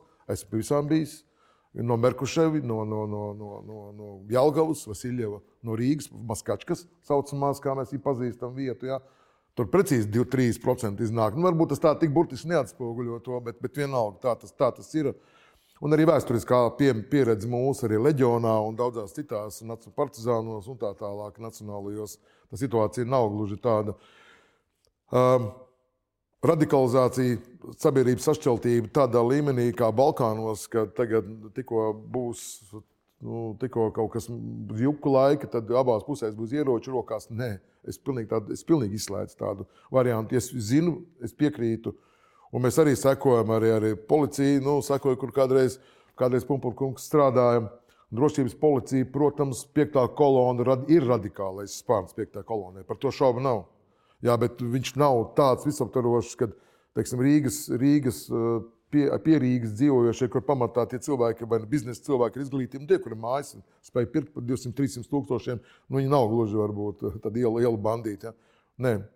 Tā noteikti, ne, tā noteikti, noteikti nebūs, un es par to nebrīnīšos. Ka, kad īstajā krīzē daudzi cilvēki pat pievienosies, lai aizsargātu šo valsti, kur viņi, kurā viņi labāk grib dzīvot. Tāpat kā es vienmēr saku, runā par krievu, krievu latviešu attiecībām, teiksim, kad balsojums ir pa valodu, jā, protams. Pa valodu, jā, tur krievu vairākums gribētu dzīvot Eiropiskā vidē, kurā krievu valoda dominē, kāpēc ne, nu, bet viņi grib dzīvot Eiropiskā vidē. Ja būtu aptauja, vai mēs gribam tūlīt pievienoties Krievijai kā Latvija, ziniet, tad aptaujas, nezinu, 10% savāktu. Es, es, es, es laikam, kādreiz cepuru apēstu vai kaut ko tādu nesavāktu tā aiziet prom Krievijā atpakaļ. Nē, tā viņi nevēlas. Jautājums... Un, tas man tā dod tādu nelielu mieru. Bet tā, es domāju, šī diskusija ļoti gara. Varbūt, lai citi arī. Tā kā es esmu jebkurā gadījumā arī skatītājiem un klausītājiem gribu to ziņu sūtīt. Es personīgi esmu optimistiskāks. Un man ir vairāk piemēru, un varētu atrast vēl piemērus, kas, kas to apstiprina. Jā, es ar tādām vadītājiem, mazām tiesībām teikšu, ka ir svarīgi tas, ka mēs spējam Un mēs komunicējam par to, un mēs runājam par to, kādas var būt problēmas, ieskicējam, kāds piekrīt, kāds nepiekrīt. Bet mēs paceļam šos jautājumus ar vienu, vienu mērķi, lai mainītu to situāciju. Jo šeit man nav šaubu, ka šeit sēdošie visi vēlas, lai lietas kļūtu labākas, lai mēs būtu lielākā drošībā. Matiņ. Pavisam īsi, es pilnībā piekrītu Grovs kungam tajā. Jo mēs, ja mēs arī skatāmies, kas ir bijusi viena no galvenajām izkalkulācijām Kremlī, ir tas, ka nezinu, Hersonā dzīvošie iedzīvotāji nākotnē um, iekšā Krievijas tankiem tiks sagaidīti ar Krievijas karogiem. pilnīgi, pilnīgi ne tas stāsts tur bija. Es redzēju pilnīgi pretēju darbību. Un es esmu pārliecināts, ka Latvijā tā no pretdarbība no Krievijas, Krievijas runājošajiem Latvijas pilsoņiem būtu vēl lielāka. Ja? Mana bāža, un mēs runājam par šo stāstu, par, tiem, par tām mācību stundām, un es piekrītu profesoram, mums ir jāveido nevis uz varbūt tās nāciju, ja, bet uz to politisko vērtību, normu Vērtību, vērtības, ā, stāstu. Mana bažas ir tajā, ka tad, kad mēs būsim un nedod Dievs pilnībā atlas, atkrievi, vai kā, kāds ir tas sauklis šobrīd, atlas, latviskojuši. Latviju, ja, ka, ko tad? Ja? Uh, ka tur ir jābūt stāstam par to, kāda veida vērtības, normas, kāda ir mūsu identitāte un tam līdzīgi. Protams, valoda ir, ir svarīgs jautājums. Ja? Uh, bet priekšplānā ir jāparādās arī vērtībām, izpratnē par to, kādu valsti mēs šeit gribam, ekonomiski, militāri un tā tālāk, kur mēs iekļaujam. Ja? Uh, tā kā, un, un teikt, ka tas ir, jā, nu ir piektās kolonas radikālais spārns, un mēs to nevaram noliegt. Ja? Būsim godīgi, būs arī cilvēki, kas ņems rokās tos ieročus un karos pret Latvijas valsti. Bet es gribētu teikt, ka tas ir absolūti mazākais. Un, un, un tieši tā statistika arī bruņotajos spēkos pierāda to, ka tur ir daudz eh, arī krieviski runājošie. Jā, bet tas disbalans ir tajā vienā, par ko tika runāts, ka politiskajai elitei būtu vairāk šie jautājumi jāveicina, jā, jāvirza uz augšu un tā tālāk. Jo viena lieta, ko mēs redzam televīzijā, kur teiksim, tie, kas teiksim, valstu vadītāji, tur viss ir skaidrs, arī parīvēšanās, tad ir kaut kāda masu nekārtības, nemieru un tautas, kas tur kaut ko, nu, respektīvi, kaut kāda Francijā, Vācijā pārpret, pārpret, tie mītiņi notiek. Tur aiz vienas ielas vai divām ielām notiek mītīņš par kaut ko un ir pret kaut ko. Nu, tas, tā, ir, tā ir demokrātija, bet tas nozīmē, ka mums ir jāspēj par to runāt un pilnīgi pievienojos eh, runātājiem. Es domāju, ka viss sākas ar vērtībām. Ja tās vērtības ir īstas un pareizas, un ja mēs spējam viņas ieraudzīt un kritiski par viņām parunāt, un tad mēs viņus varam vairot. Valdi, varbūt tev ir kas sakāms. Jā, es par to pilsoņu karu, teiksim, par pretdarbību. Es domāju, arī es piekritīšu runātājiem, ka nelojālie vienmēr ir un būs jebkurā sabiedrībā. Es vērtēju, ka mums viņā 10%, 15%. Es atcaucu atmiņā notikumus, kas bija mūsu neatkarības atjaunošanas cīņās 90. gados, kad mēs uz barikādēm gājām. Man bija tad iespēja eh, cīnīties ar automātu rokās, aizstāvēt mūsu jauno valsti. Vēl nebija valsts nodibināta, atjaunot. Mums puse no valdības apsardzes dienesta kaujiniekiem bija krievalodīgie. Puse. Viņi ir lielāki latvieši par jebkuru no mums. Viņi gāja, viņi gāja un šāva. Mēs medījām amoniešus par Rīgu un pa apkārtni un cīnījāmies ar viņiem. Un tur nebija jautājums par, par nacionalitāti, jeb par valsts eh, neatkarības aizstāvēšanu vai nē. Un mēs būtu gājuši, cik tālu tas nepieciešams. Un arī šeit, protams, katram cilvēkam ir komforta zona un valoda ir viena no aspektiem. Ja mēs ļaujam šim cilvēkam, viņš mājās runā krieviski, nu, ko tu izdarīsi? Viņam rokas lauzīsim ārā. Nē, viņš ar bērniem runā krieviski. Tas nenozīmē, ka viņš eh, darbā nerunās vai nebūs lojāls valstī. Tā kā, protams, mums ir ļoti grūts darbs ar to sabiedrības integrāciju, bet uh, paņemsim no otras puses, raķeite lido viņai vienalga, kādā valodā tu runā.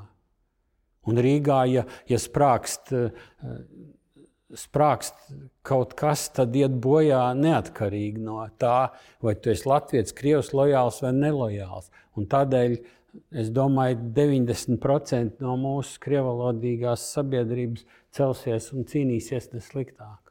Jā, nu tas ir svarīgi, tomēr pavērojot pēdējo gadu notikumus, ka šeit ir bijusi iespēja runāt, komunicēt, stāstīt dažādos veidos. Un mūsu sabiedrība, es esmu runājis pēdējo nedēļu, divu laikā. Es atzīšos vairāk arī dažādu, dažādām diasporām, ja, dažādām diasporām.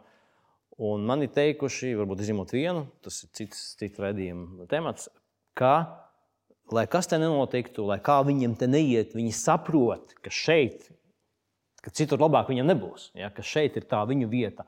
Nu, ja te kaut kas notiks, tad mēs arī tajā piedalīsimies. Droši vien, ka ne jau perfekti visi, bet, bet lielākā daļa, ka jā. Nu, vismaz tāda ir mana sajūta. Bet paldies visiem. par, par, par uzsvariem. Uh, es gribētu nobeigt šo, šo, šo šodienas mūsu diskusiju ar tādu savu, izteikt vēlreiz savu pārliecību, ka absolūti lielākā daļa normāli domāju un adekvāti domājušu cilvēku uh, vēlas ātrāk Ukraiņas uzvaru un kara beigas. Uh, taču, lai uz ko arī ceram, un, un visādi ceram, un arī palīdzam Ukraiņam no pirmās kara dienas, Ukraiņai mēs nezinām, kad īsti un kā beigsies šis karš. Kādas būtu prognozes, ja korektāk runājot, uh, kādus būtiskākos riskus Eiropai Un Latvijai, jūsuprāt, mēs kara kontekstā varam saskatīt nu, nākamā gada laikā.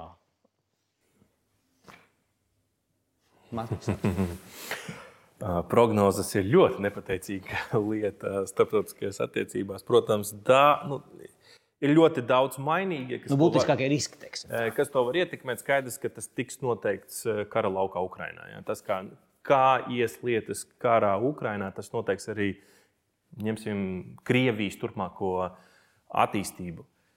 Es esmu šo daudz domājis, mēs tādas pazīmes neredzam, bet vienā brīdī mēs arī varētu redzēt ievērojumu iekšēju satricinājumu Krievijā.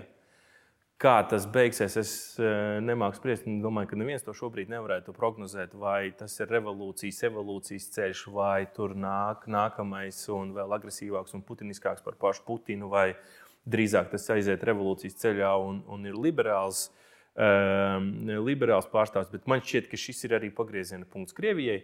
Un to sakot, mūsu drošība līdz ar to nu, jautājums par mūsu drošību nebeigsies. Tas, tas aktualizēsies un, un iekšējā, potenciālā iekšējā nestabilitāte mūsu kaimiņu valstī, nu, ietekmēs arī, arī mūsu drošību. Tas, kas mums savukārt ir zināmā lieta, nākamā gada laikā. Jā, jā potenciāli, potenciāli. Šobrīd tas šķiet neiedomājami, ja, bet 89. vai 88. gadā droši vien neviens nevarēja prognozēt eh, PSRS sabrukumu. Es šādu iespējamību arī neizslēdzu, ka tas eh, varētu notikt. Tas, kas ir gan zināms, mm, visi līdzekļi, ko mēs varam piegādāt un ko, mēs, ko, ko Ukraina prasa, un kas ir nepieciešams, tas mums ir jādara. Tas ir mūsu karš kurā mēs esam iesaistīti, un tur mums ir eh, jādara savs darbs. To mēs esam sapratuši. Jā. Paldies, Elīna. Kas? Jā, te ir ļoti, ļoti grūti izvairīties no tā, kas ir mūsu, mūsu iekšējais vēlamais scenārijs, no tā, no tā patiesā. Runājot par nākamo gadu, es domāju, ka eh, mēs dzīvosim ļoti saspringtā hibrīda kara situācijā. Ukraiņa cīnīsies, protams, mēs palīdzēsim, bet hibrīda karš būs arī pat ne nākamais gads, tas būs daudz ilgākā laika periodā. Uh, Un runājot no tādu tehnoloģiju viedokļa, tajā globālajā spēles laukumā, ja varbūt Evāna kungs runāja par, par demokrātijas mazākumu, ja, tad mēs principā tehnoloģiju laukumā redzam ļoti milzīgu izaugsmu arī šajā Āzijas sektorā. Un NATO dalībvalstīm visām kopā noturēt tehnoloģisko pārākumu, tas būs tas mūsu kopējais lielais izaicinājums. Paldies, paldies Elīna. Tādā mums. Tuvākais gads īsi pavisam. Tuvākais gads, saprotiet, visi aizgājušā gada notikumi būtu definējami kā uzplūdi, kā kaut kādu jaunu apstākļu dažādās sfērās. Militārajā, politiskajā, sabiedriskajā. Tie ir jauna, jaunas Eiropas, jaunas Latvijas, jaunas Austrumēropas veidošanās laiks. Nākamais gads būs atplūde, būs nogurums, būs vēlēšanās atgriezties pie vecā. Tas viss atsies. Okay. Mēs varam redzēt, un būs arī domāju, vilšanās. Tā kā jaunais gads būs tāda tād atkāpe, bet pēc tam es domāju, ka nostabilizēsies kaut kas cits. Mēs esam ceļā uz kaut ko jaunu. Izmaiņas, hibrīds, kaut kas jauns un stabilizācija un kaut kāds nogurums. Valdi, pavisam īsi.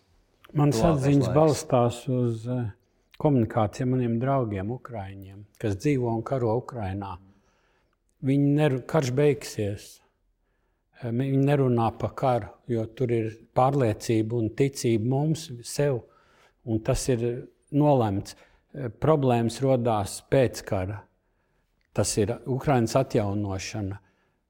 Pēc dažādu avotu ziņām Ukrainā patreiz atrodas brīvā apritē ap 5 miljoni šaujamieroču vienību.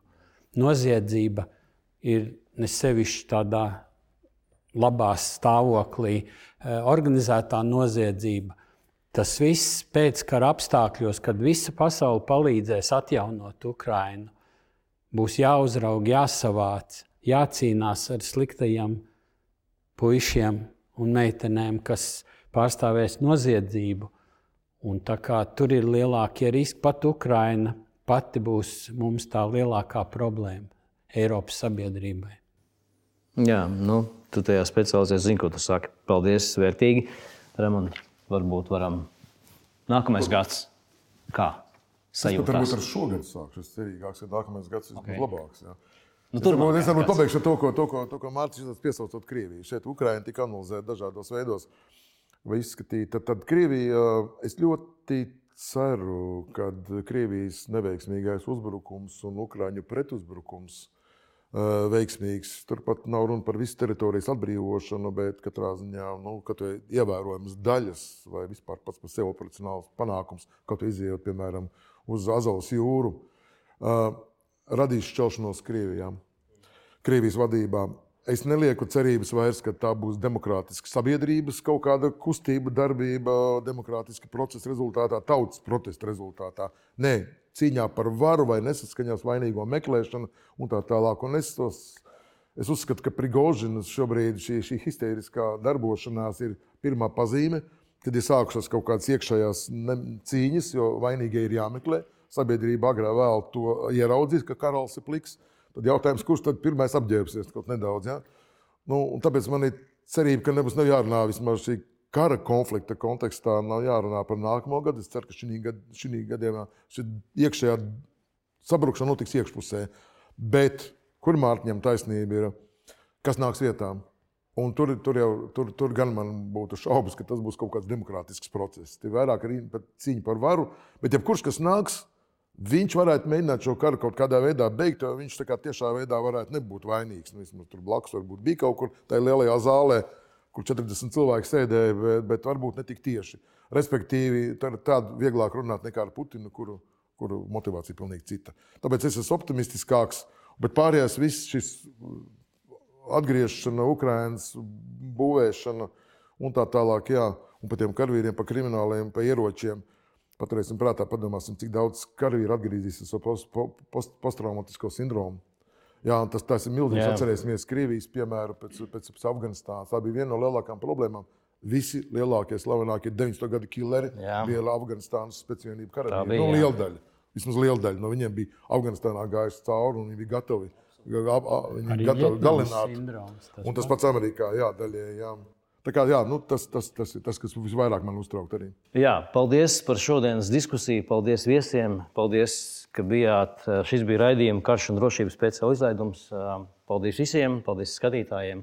Mēs tiekamies drīz, jau mums ir par ko runāt, mums ir ko stāstīt, un es domāju, ka tas ir vērtīgi visai sabiedrībai. Paldies!